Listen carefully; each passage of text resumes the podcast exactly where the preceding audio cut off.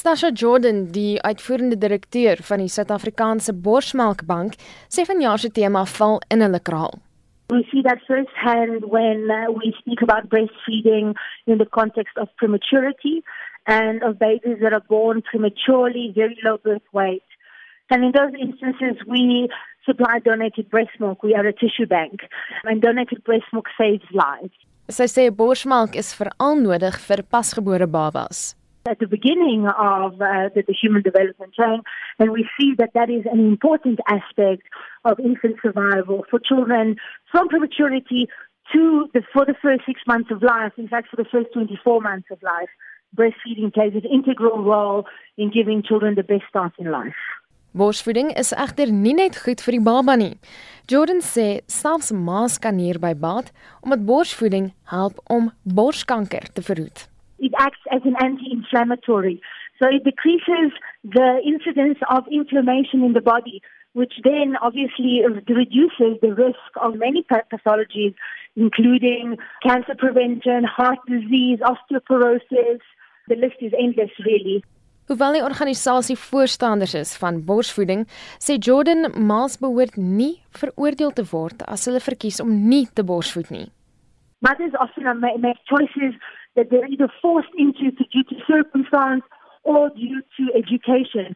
So I would say it's important to educate mothers in and support mothers by creating enabling environments in the workplace, for instance, that allow mothers to express and therefore to continue breastfeeding.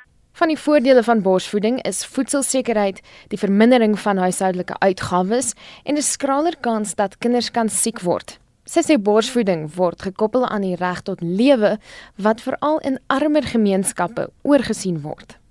By promoting breastfeeding, are we promoting the right to life of the children in these communities that otherwise succumb to diarrheal disease, pneumonia, and all the conditions that are associated with the lack of breastfeeding. Because we can't only look at breastfeeding from the point of view of the privileged. We need to look at what is the greater need of the South African population.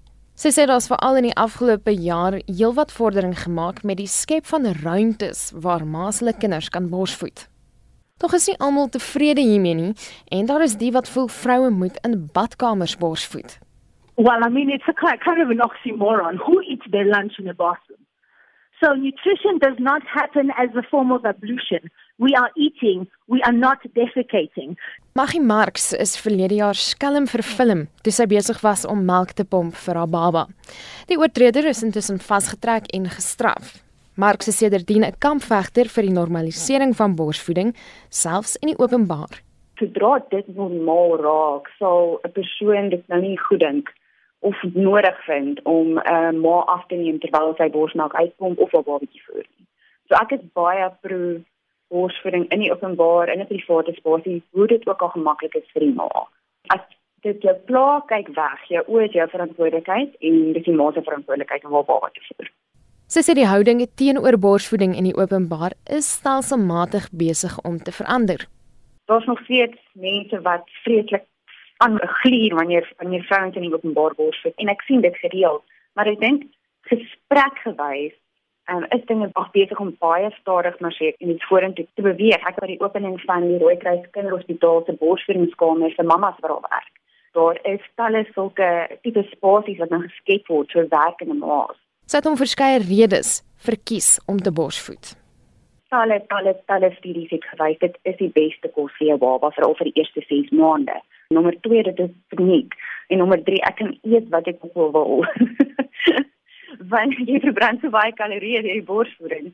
Ehm um, jy weet dit is gesond vir mamma en baba. En nommer 4 dit is werklik 'n hegte band tussen my en my seentjie geskep. Volgens haar is daar twee groot uitdagings wanneer dit kom by borsvoeding.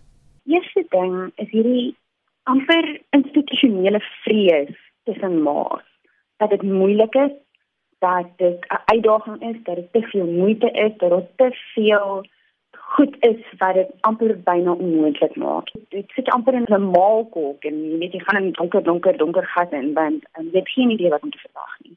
En dit werklik eintlik nie so erg nie. En dan die tweede uitdaging dink ek is die openbare houding in skoolvoeding. En dit word op talle vlakke aangespreek nou. Mamas moet voel hulle kan en mamas moet hulle wil. Dit was Maggie Marx, 'n kampvegter vir borsvoeding, veral in openbare plekke. Ek is Marlene Forsie vir SAK nuus.